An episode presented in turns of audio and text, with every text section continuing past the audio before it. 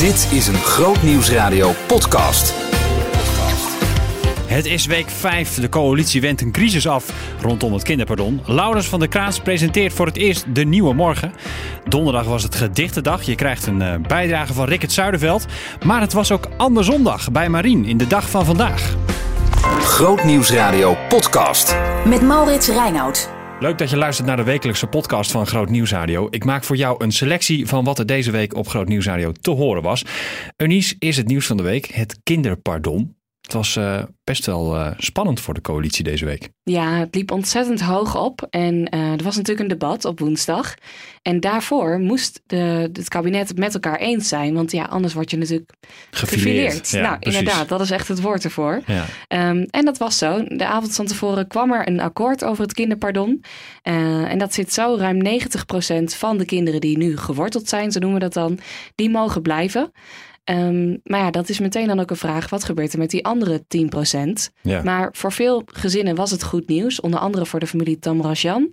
Dat zijn diegenen van het kerkasiel. Een paar maanden geleden wisten we eigenlijk allemaal niet wat kerkasiel was. Nee. Totdat kerken zich daarvoor inzetten. En uiteindelijk Ineens ging, er, zei- ja, ineens ging Ja. er een kerk uh, een hele langdurige dienst houden. En de, de regering mocht niet binnenvallen, want Ja. dat staat in de wet, dat mag niet. Ja. Uh, dus zo kon dat gezin beschermd worden. Precies. Ja, dus dat is- daar was vreugde. Ja, Wat ook nou, helemaal te begrijpen is. Maar Ja. tegelijkertijd waren er ook heel veel vraagtekens. Nou, we hebben natuurlijk gesproken met de coördinator van dat kerkasiel. Dat is eh, predikant Dirk Stegeman. Maar ook zijn er echt vraagtekens bij organisaties die zich inzetten voor dat ruime kinderpardon. Bijvoorbeeld bij eh, Inlia. Daarvan spraken we de directeur, John van Tilborg. wat is Inlia precies? Dat is een netwerkorganisatie en zij zijn van en voor kerken. En eh, met name dan kerken die asielzoekers hulp bieden en vluchtelingen. En daar zitten we op de crux. Zij ehm, ze komen ook op voor vluchtelingen. Ja, En in dit nieuwe akkoord is dan besloten... we gaan meer mensen hier in Nederland houden... die Ja. hier al wat langer zijn. Maar Ja. dat doen we in ruil voor extra vluchtelingen, wat is toegezegd.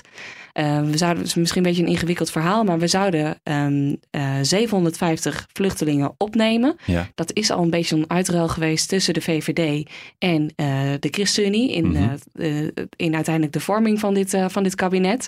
En nu zei de VVD, ja, dat willen we dan eigenlijk terug hebben in ruil voor dit, eh, nou, deze nieuwe regeling voor het kinderpardon. ja. Dus zo is er een beetje heen en weer geschoven met uiteindelijk een goede uitkomst voor de mensen die hier nu in Nederland zijn. Ja, maar de mensen die nog komen, Ja, die zijn de pineut eigenlijk. Want daar, Ja. dat worden er minder, laten we ze- het zo maar zeggen. Precies, en daar heeft deze John van Tilburg dus zijn, ehm, eh, nou, zijn vraagtekens bij. Maar hij zegt ook wel van ehm, ja, hoe wordt dan bepaald welke kinderen onder dit akkoord vallen. Ja, En ehm, hij zegt ook, ja, die versoepeling van het kinderpardon, dat is prachtig. Maar hoe lang kunnen we dat volhouden? Wie zegt me dat er in de toekomst een nieuw kabinet dat niet weer terugdraait en dat het toch weer nodig is? Het is eigenlijk nog maar de vraag of dit kabinet inderdaad ervoor kan zorgen dat er nooit meer een kinderpardon nodig is. ja, de grote vraag. We gaan luisteren naar het gesprek. We hebben met elkaar wetenschappelijk vastgesteld, onweersproken, dat na vijf jaar verblijf en onzekerheid er enorme schade optreedt, ook blijvende schade bij kinderen. Nou, dat is iets dat willen we niet. Ja. We leven in een, een cultuur en een samenleving waarin we zeggen dat als kinderen schade wordt aangebracht, hoe dan ook, al moet het via de overheid zijn dat er ingegrepen wordt om dat te voorkomen, dan moeten we dat doen. Nou, dan ook bij deze kinderen. Ja, het is, het is iets van de lange adem geweest, hè, want er is al lang over gesproken. Er is veel om te doen geweest. U, u maakt zich daar ook hard voor. Dat, dat- nu is het er eindelijk. Ehm, eh, u, u kent eh, eh, nou, eh, ook vluchtelingen hier en daar persoonlijk, denk ik. U, u komt met ze in aanraking. Dat, dit akkoord heeft dan misschien ook wel consequenties voor hen. Kunt u beschrijven wat dat met u doet? Nou, ik, ik, ik was echt heel, heel vol met vreugde en, en blijdschap dat dit gebeurde. Ehm, aan de andere kant eh, ook ben ik wel wat bedroefd. En, en dat is vanwege het feit dat er tegenover is gesteld. En ik weet echt niet hoe dat je dat kunt bedenken. Maar dat we dan 250 minder echte vluchtelingen, die we als vluchteling hebben benoemd, dan niet meer toelaten jaarlijks. Ja, Eh, we, van jaar. 750 jaarlijks naar 500, hè? Ja, Dus, dus ja, wa- wa- waarom dat andere mensen dan zeg maar daarvoor geofferd moeten worden, dat snap ik niet. Voor de kinderen ben ik vreselijk blij, want ik weet wat de ellende zij hebben meegemaakt. Ik heb dat van nabij gezien. Ik heb ook gezien hoe die schade eruit zag. En ik, ik kan u zeggen, ik, eh, ik, ik denk dat het heel goed is dat we dit gedaan hebben. Ja. Uh, in de Tweede Kamer is over die uitruil die u benoemt, hè, van, van die maatregel dat dat van 750 oorlogsvluchtelingen naar 500, die we dan als Nederland toelaten. daar is ook kritiek op. Uh, op dit moment, het debat is op dit moment ook gaande. Nou, daar, daar, daar later meer over op Groot Nieuws Radio. Nog even over uh, het akkoord op zich. Um, hoe zit het nou met de kinderen die ja, eigenlijk in, in de dagen vlak voor dat akkoord er gekomen is, alsnog zijn uitgestuurd. is bijvoorbeeld een Armeens gezin uh, nog maar kort geleden uitgezet. Um, ja, die hadden met terugwerkende kracht eigenlijk onder dit pardon uh, kunnen vallen. Dat is wel erg ja, wrang natuurlijk. Dat is meer dan wrang. Ik begrijp ook echt niet waarom die uitzetting nog heeft plaatsgevonden op het moment dat duidelijk was dat er nog een duidelijke Kamermeerderheid was uh, die vond dat uh, men nu niet moest uitzetten. Nou, op het moment dat je zo'n duidelijke Kamermeerderheid hebt, ja, vind ik het nogal wrang dat je dat gezin nog hebt uitgezet. Als je dan ook nog weet dat de ouders van dit gezin zelf ook beide weeskinderen waren. En dus ook niets hebben om terug te vallen daar. Ja. Uh, dan is het extra wrang. Hadden zij wat u betreft ook een verblijfstatus moeten krijgen? Die hadden dat wel moeten hebben, ja, absoluut. Ja. Uh, vanuit de Tweede Kamer is er uiteraard, ik noemde het al even, ook kritiek hè, op dit akkoord. Geert Wilders van de PVV noemt de versoepeling van het kinderpardon een feest voor illegale. Nou zal niet iedereen zich zo uitlaten op die manier, maar er zijn ook wel mensen die zich druk maken over een aanzuigende werking van dit akkoord. Hoe kijkt u daar tegenaan? Nou, ik heb uh, het, het, de vorige pardonregeling mogen begeleiden, het grote pardon. En ook daar was de kritiek dat het een aanzuigende werking zou hebben. En vastgesteld is op basis van de cijfers dat het geen enkele aanzuigende werking heeft gehad. Het is ook duidelijk dat in het buitenland men echt wel weet dat ze zich niet kunnen uitgeven voor mensen die er vijf jaar al legaal in een procedure zitten. Dus het is, het is een uitspraak die, die ja, de onmogelijkheid raakt. Niemand kan bewijzen dat hij vijf jaar in de procedure heeft gezeten als je nu in het buitenland zit. Dus het is echt, echte onzin. Het klopt ja. gewoon echt niet. Nee, dus die aanzuigende werking niet. Maar uh, nee. het kabinet zegt nu, nou uiteindelijk willen we het kinderpardon helemaal afschaffen. Um, daarvoor moet er wel meteen aan het begin van de asielprocedure worden gekeken of iemand als schrijnend geval wordt toegelaten. Zo moet er ook een eind komen aan die, al die discussies die we gehad hebben. Zoals bijvoorbeeld bij die familie Tamrajan uh, in Den Haag.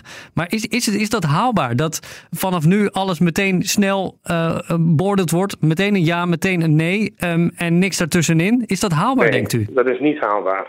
Ik, uh, ik zit 30 jaar in dit vak. En ik pleit al voor snellere procedures sinds 1989. Uh, er zijn snellere procedures gekomen. Wettelijke termijnen van zes maanden. Toen zes maanden plus zes maanden. Toen naar 18 maanden. Sommige procedures lopen nu al 33 maanden. Dus uh, alle, alle goede bedoelingen ten spijt. We hebben nog echt een slag te maken. Dat is één. Twee. Uh, juist de familie Tamrazian voldoet aan alle criteria voor het kinderpardon. Eén procedure gevoerd, meermaals de rechter in gelijk gesteld, niet gestapeld, niet maar in beroep blijven gaan, in hoger beroep, dat was de staat in hun geval. En ik ken hun dossier, ik heb dat mogen onderzoeken. Mm -hmm. en, en ze waren hier al vijf jaar en negen maanden voordat ze af werden gewezen. Ja. Dus ze voldeden aan het vijf jaar criterium. Waar het om draait, en ik denk dat we ons dat goed moeten beseffen, als we met elkaar weten dat die kinderen schade oplopen na vijf jaar, dat die ook onherstelbaar is. Dus die kinderen worden echt beschadigd. En we zeggen dat willen we niet. Dan moet je daar ook de consequentie aan verbinden. Wat er vervolgens is gebeurd, is dat er allerlei nieuwe criteria aan zijn toegevoegd. waarom mensen daar aan moesten voldoen. Maar het maakt niet uit, dat nieuwe criterium. Als je weet dat die vijf jaar voorbij en die schade is toegebracht. Mm-hmm. terwijl er geen enkele procedure hoeft vijf jaar te lopen. Dat is ook een achterstand bij de IND. En ik ben blij dus dat ze gaan investeren in extra personeel bij de IND om de procedure sneller te laten verlopen. Daarmee ga je de grootste uh, problemen uit de weg. Korte ja. procedures, snel beslissen, maar niet al de schrijnendheid. Want dat kan tijdens het verblijf in Nederland schrijnend zijn naar voren. Heel vaak mensen die verkracht zijn, wat dan ook, komt dat pas later naar boven in therapie, et cetera. En dan kun je dat niet van tevoren al regelen aan de voordeur als ze binnenkomen. Nee. Dat komt pas vaak als je de mensen tot rust hebt gekregen en dan de effecten van de, van de trauma's kunt meten. Dat kun je niet van tevoren. Maar, maar, maar, heeft u dan wel het vertrouwen in de plannen van het kabinet dat het IND inderdaad meer geld krijgt om die procedures te verbeteren? Dat, dat, dat dit inderdaad verbeterd wordt en dat we uh, nou, niet over een aantal jaar weer met hetzelfde vraagstuk zitten? Nou ja, eigenlijk zien we wel een repeterend vraagstuk. Want kijk, het was staatssecretaris Al Bayrak in 2007 die eh, op dat moment eh, in, de, in de procedure heeft opgenomen, dat al moest worden gekeken naar gezondheidsomstandigheden, andere relevante humanitaire omstandigheden, zodat die tijdig konden worden meegewogen. Nou, ik zie procedures, zoals die van de Smilitamaratian in de kerk in, in Den Haag op dit moment, die heeft gewoon vijf jaar en negen maanden geduurd. En, en nou, die termijn is dus niet korter geworden. Ja, je hoorde John van Tilborg, eh, directeur van INLIA, een netwerkorganisatie van en voor kerken die asielzoekers en vluchtelingen in nood helpen. En eh, hij reageerde op het nieuws over het kinderpardon. Grootnieuwsradio podcast. Met Maurits Reinoud. Het was eh, donderdag gedichtendag en daarom sprak ik in Sandwich met zanger en dichter Rickert Zuiderveld. We hadden het onder andere over hoe je dat nou doet, gedichten schrijven. De ene keer komt er heel spontaan en heel snel iets, eh, iets naar boven. Ja, Het idee is er soms heel vlug, maar ja, dan moet je het uitwerken. En dat wil ook nog wel eens in een uur eh, lukken. Mhm. Maar meestal niet. Dan heb je een deel en dan moet ik even eruit. Dan moet ik even weer erover nadenken hoe ik het verder doe. Dus het kost ook wel eens een, eh, ja, eh, eigenlijk een halve of een hele dag. Met Ja. onderbrekingen natuurlijk. En Ja. je zit niet constant op je computer te kijken of op een papiertje. ja. Maar dat wisselt heel erg, ja. Maar ideeën zijn er eigenlijk altijd wel. Want of er valt sneeuw, of eh, er is weer iets met het kabinet aan de hand, of wat ook. ja precies. Wat, wat moet er sowieso in zitten? Wat maakt een goed gedicht? Nou ja, in dit geval moet het ergens eh, een, relatie hebben met de actualiteit. Maar Mhm. verder in zijn algemeenheid eh, zeg je in een gedicht eigenlijk op een andere manier dingen dan het normaal zou doen. Mhm. je, gaat, eh, je gaat werken met, met beelden. En je kan, wel, je kan wel zeggen, er staat een koe in de wei. Ja, Maar goed, ja, dan zie je een koe in de wei. Maar je kan ook iets doen met, eh, met groen en zwart-wit. eh, zodat iemand een koe voor zich gaat zien. Dus Ja. Dat je de fantasie een stukje bij de lezer of de luisteraar neerlegt, als Ja. het ware. dan prikkelt het ook wat meer waarschijnlijk. Ja, ja, dan wordt eh, iemand die het hoort of leest eh, uitgenodigd om, eh, om mee te denken en mee te voelen. Dat hangt er vanaf wat voor soort gedicht het is. Hè. Ja. Voor, voor deze uitzending heb je een gedicht geselecteerd om even voor te dragen. Wat, wat heb je gekozen en waarom? Ik heb er een kort gedicht. Ik maak ook voor de visie elke keer een gedicht rond een thema. Mhm. En ik heb er hier eentje gekozen, dat heet Glazen Bol. En dat heeft te maken met het feit dat veel mensen in hun eigen bubbel leven. Oké. Nou, En eigenlijk doen we dat allemaal op onze eigen manier. oké. Ik ben benieuwd. Een kort gedicht. Mijn eigen wereld, dampkring, glazen bol. Een zeepbel met mijn favoriete kleuren. Mijn kleine denken, aangename geuren. Ik blaas mijn hoofd met prettigheden vol. Wie weet wat ik beleef wanneer dit breekt. Als God mijn glazen bol aan stukken steekt. Prachtig gedicht van eh Rickert Zuiderveld, wat hij al een keer eerder had geschreven voor EO Visie. En wat hij dus deze week in het kader van Gedichtendag nog een keer voordroeg op Groot Nieuwsradio. Grootnieuwsradio podcast. Met Maurits Reinoud. In het interviewprogramma bij Jorike spreekt Jorike Eilers samen met haar sidekick Thijs Noorland allerlei gasten. Eh, daar hoort ze nu en dan ook een verrassingsgast bij. Het idee is, Jorike weet niet wie er te gast is. En tijdens de uitzending komt er een in cape gehulde gast met een masker de studio binnen. En dan begint er een ja-nee-spel om te ontdekken wie de gast is. Dat duurde deze keer heel lang, want Jorike had de gast nog nooit ontmoet of gesproken. Het was Joran Kaat, presentator bij de EO. 24 jaar oud is hij. Hij is ook presentator van de EO Jongerendag, al voor de vijfde keer. Ze spraken over de jongerencultuur, maar Jorike probeerde Joram ook wat beter te leren kennen. De allerbeste raad die jij in je, in je 24 jaar hebt gekregen. Eh, ja, dan verval je denk ik heel snel in clichés. Maar dat zou iets zijn als... eh, ehm, blijf bij jezelf of zo. Ja? Ja, maar dat, ik denk wel eh, dat dat belangrijk is, ja. Ehm, om, ik kan best wel een pleaser zijn, dus dat ik denk van, oh, jij wil dit horen. Dus bijvoorbeeld ook in een interview kan ik het ook hebben. Ja. Denk van, oh ja, maar jij wilt nu dit horen. Eh, maar dan denk ik, nee, ik geef gewoon eerlijk antwoord. En als jij dan, eh, ja, eh, of als iemand dan denkt, ja, huh? oké, prima. Ik blijf bij mezelf. Dus dat is denk ik de beste raad. En heb je dat dan moeten leren? Dat is wel iets waar ik me nu wat bewuster van ben. Van, dat, ik, dat ik dat doe, ja. Dus dat ik me niet meer. eh, dat betekent ook soms gewoon dus grenzen aangeven. Eh, ook, ook werktechnisch gezien, bijvoorbeeld eh, ja, bij Beam, we doen heel veel ook gekke filmpjes. Ja. Dus voor YouTube maken we dan elke vrijdag hebben we een video. En da- daar heb ik echt, als je gaat zoeken op mijn naam, kom je, kom je Ja. tegen. nou ja, en ik heb. ik Iedereen heb- gaat nu massaal dat doen. ja, nee, dus. dus eh, ehm, en, en eh, heel vaak liet ik me ook wel meenemen door collega's, want die wisten dan precies wat ze moeten eh, Ja. zeggen om mij eh, in een rare outfit te krijgen, bijvoorbeeld. Ja. ik kwam hier net ook met een cape binnen trouwens. Ja, het is gewoon weer gelukt. Ja, maar dat ik dus ook wel tegenwoordig meer kan zeggen soms van nee, dit, waarom zou ik dit doen? Dit wil ik niet doen. En dat is dan even een, een- natuurlijk een onschuldig voorbeeld, maar op alle fronten is dat wel iets wat ik leer, ja. Ja, en dus blijf bij jezelf. Dat, is dus een soort je, je beste raad die je hebt gehad, maar wat je dus ook hebt eh, moeten leren. Dan komen we natuurlijk toch al even op dat thema van blijf bij jezelf. Heeft dat ook weer te maken met die echtheid van alles is er? Ja, ik weet nog toen ik dus de EO Jongerendag ging presenteren. Dat evenement is dit jaar voor de 45ste keer. Dus dat, dat is al heel erg lang. eh, bestaat het al. En, en ik stapte eigenlijk in een soort eh, rijdende trein. En alles ging al op een bepaalde manier. En dus ook qua presenteren bijvoorbeeld. Ik ging alle teksten uit mijn hoofd leren. En echt stampen. Maar normaal ben ik best wel gewoon van... Oké, eh, dit is wat we ongeveer willen.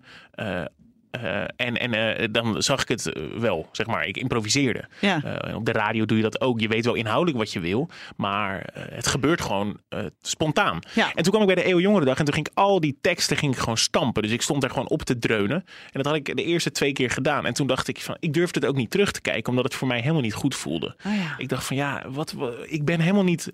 Ook, en de EO, of mensen bij de EO zeiden dat ook. Van ja, Joram, jij bent normaal altijd die eh olijke jongen die eh, grapjes maakt. En op Ja. de jongerendag ben je een soort hele serieuze versie van jezelf. Dat, dat, eh, dat hoeft niet. Oh ja. Eh, en toen dacht ik, ja, hoe kan dat nou? En toen ben ik dus vanaf eh, de derde keer dat ik het presenteerde, heb ik niks meer voorbereid. Eh, en omdat ik be- betrokken ben bij de organisatie, weet ik precies wat we willen op welk moment. Ja. Maar ik heb niks voorbereid. Dus ik ga gewoon het podium op en ik begin gewoon te praten. En, en dat gaat dus veel beter. Ja. En dat was in het begin een soort van wennen voor iedereen. Ook omdat het allemaal op tv is en regie. En dan willen ze graag dat je een bepaald woord noemt, want dan weten ze dat dan het filmpje gestart moet worden, Mhm. bijvoorbeeld. Maar ik dacht van, eh, nee, ik blijf bij mezelf. Dat leerde ik toen. Mhm. En, eh, en sindsdien gaat dat veel beter. En, en ja, echt beter, want het past beter bij mij. Maar net zei je wel dat je ook heel erg de controle nodig hebt. Maar dit klinkt dan dat je alles juist de controle loslaat. Nee, ik heb nog steeds de controle. Want ik eh, nog veel meer eigenlijk. Want ik, eh, de teksten hebben niet de controle. Nee, ik bepaal echt live wat er gebeurt. En als ik nu denk, ik ga dit verhaal vertellen, dan kan ik dat doen. Dus het voelt juist echt als veel meer controle. Ja, dus die, die, die, ook, dat is ook een soort echtheid. Dat is dat voor jou ook echt een soort van essentieel? Ja, ik denk ook wel dat ik zoek dat zelf in mensen ook. Eh, ook als ik, eh, eh, als ik, ja, jongeren zitten veel op YouTube. Als ik daar al die video's zie, dan is het heel veel ook allemaal neppe dingen. Dus mensen die elkaar in de maling nemen, dat blijkt dan weer nep te zijn. En, en ik zoek wel, en ik denk heel veel mensen, of uiteindelijk wij allemaal, denk ik, naar die echtheid. Dus als ik weet, ook al is iemand denkt heel anders dan ik, als ik weet dat hij of zij echt is, dan, dan vind ik dat prima. Dan denk ik, oké, ja, je bent gewoon zo en dat is prima. Nu, eh, nu eh, laatst zei wel eh, dat je jezelf best een rustige jongen noemt. Is er dan wel een verschil tussen Joram dan in die, al die gekke filmpjes of op het podium dan de rest van je leven? Nou, een verschil. Ik, ik begon dus. Kijk, ik werk al sinds mijn achttiende fulltime bij de EO. Dus ik kwam daar binnen. Ik was super ambitieus en ben ik nog steeds. En ik ging eigenlijk allemaal hele lollige video's dus maken. Dus mensen kenden mij ook zo van, oh die Joram, hahaha. En als Ja. er dan eh, iemand wat serieus moest zeggen, dan nee, laten we Joram, eh, die, eh, die maakt grappen en die vertelt geen inhoudelijke dingen. Ja. En toen dacht ik van ja, ergens ben ik die grappige jongen, maar ik ben ook de, de ik ben ook gewoon een serieuze jongen. Ja. Het heeft ook te maken met ouder worden. Kijk, ik was 18. Ik wilde alleen maar grappen uithalen, heel de tijd met iedereen. Ja. En dan word ik nu een klein beetje ouder. En dan denk ik, ja, eh, het leven is niet alleen maar grappen en grollen. Dus eh, het is meer gebalanceerd. Ja, en dan probeer je dat dan nu ook meer, meer dan uit te dragen dan eigenlijk. Ja, maar dat klinkt dan alsof ik dat bewust doe. Ik ben gewoon eh, mezelf. En eh, dan draag ik dat automatisch, denk ik, uit, ja. Joram Kaat hoorde je, presentator bij de EO. Hij was de gast in Bijorieke. Grootnieuwsradio podcast. Met Maurits Reinoud. Ja, wat gebeurde er verder deze week? Terwijl het bij mij in eh, Sandwich de dag van het gedicht was, was het bij Marien in de dag van vandaag andersomdag. Ja, dat eh, leverde grote chaos op. En daarom sloot Marien op deze manier zijn uitzending af. Ik bedoel, het is niet het begin, maar het einde van de uitzending. de dag van vandaag. Met Marien Kortering. Een hele goede middag, van harte welkom bij Groot Nieuws Radio op de woensdagmiddag van 31 januari. We gaan er een hele mooie middag van maken. Ja, je, je zult het maar eh, niet mee hebben gekregen. Dan eh, lijkt het alsof er een uitzending begint, maar dan stopt hij eigenlijk. Goed, wat gebeurde er verder nog deze week? Nou, Laurens van der Kraats begon aan zijn eh, eerste uitzending van de Nieuwe Morgen. En had toch wel een, nou ja, laten we zeggen, bijzondere manier om zichzelf aan te kondigen. Dames en heren, vanaf vandaag heeft Grootnieuws Radio een aangepaste dienstregeling en dat heeft niets te maken met de sneeuwval. De nieuwe morgen op vrijdag in de richting van Blessings bij Jorike en Sandwich, van 6 uur tot 9 uur presenteert Lucas niet, hij gaat zich meer richten op zijn werk achter de schermen. Vanaf nu hoort u Laurens van de Kraats, einde van dit bericht. Ja, het is nog net een beetje alsof je op het station staat. En dan krijg je een mededeling dat eh, een nieuwe presentator is begonnen. En dit waren zijn eerste woorden in zijn nieuwe programma. Oh, goedemorgen. Ja, het was wel een mijlpaal hoor. Nou ja, dat ik hier dan mag zitten is een, is een mijlpaal natuurlijk. Maar ook die wekker om vier uur, dat is echt... eh, ik kan me niet eens herinneren wanneer ik voor het laatste wekker zo vroeg eh, gezet heb. Maar goedemorgen, ik ben er gelukkig op tijd eh, aangekomen in de studio van Groot Nieuws Radio. Mijn naam is Laurens van der Kraats en ik, eh, ik ben hier nieuw. Vanaf mij, eh, nu hoor je mij elke vrijdagochtend in plaats van Lucas. Want hij is zich meer gericht op het werk achter de schermen, dus vandaar. Eh, ik heb hartstikke van genoten, moet ik eigenlijk eh, zeggen. Voor eh, ja, die rit hier in de auto naartoe naar de studio. De eerste sneeuwvlokjes die begonnen al te vallen in het midden van Nederland. Een prachtig winterwonderland. Echt een heerlijke ervaring. Ja, dan weet je ook hoe Laurens van der Kraats klinkt. Elke vrijdagochtend tussen 6 en 9 presenteert hij de Nieuwe Morgen. Komende week op Groot Nieuws Radio ben je een stadsmens of een dorpsmens. Daar heeft de stelling alles mee te maken. De stelling van maandag, die vind je altijd op onze website grootnieuwsradio.nl. Daar kan je stemmen en reageren. En de reacties op de stelling hoor je smiddags om kwart over twaalf in Sandwich en kwart over vier in De Dag van Vandaag. Leuk dat je luistert naar de podcast. Vergeet niet om je te abonneren. Dan krijg je de nieuwe aflevering elke vrijdag automatisch binnen. En laat ook even een recensie achter. Tot volgende week. Luister in 2019, waar je ook bent, naar Grootnieuws Radio in digitale kwaliteit. Download onze vernieuwde app, nu verkrijgbaar in de App Store, via Google Play of ga naar grootnieuwsradio.nl slash app. Grootnieuws Radio.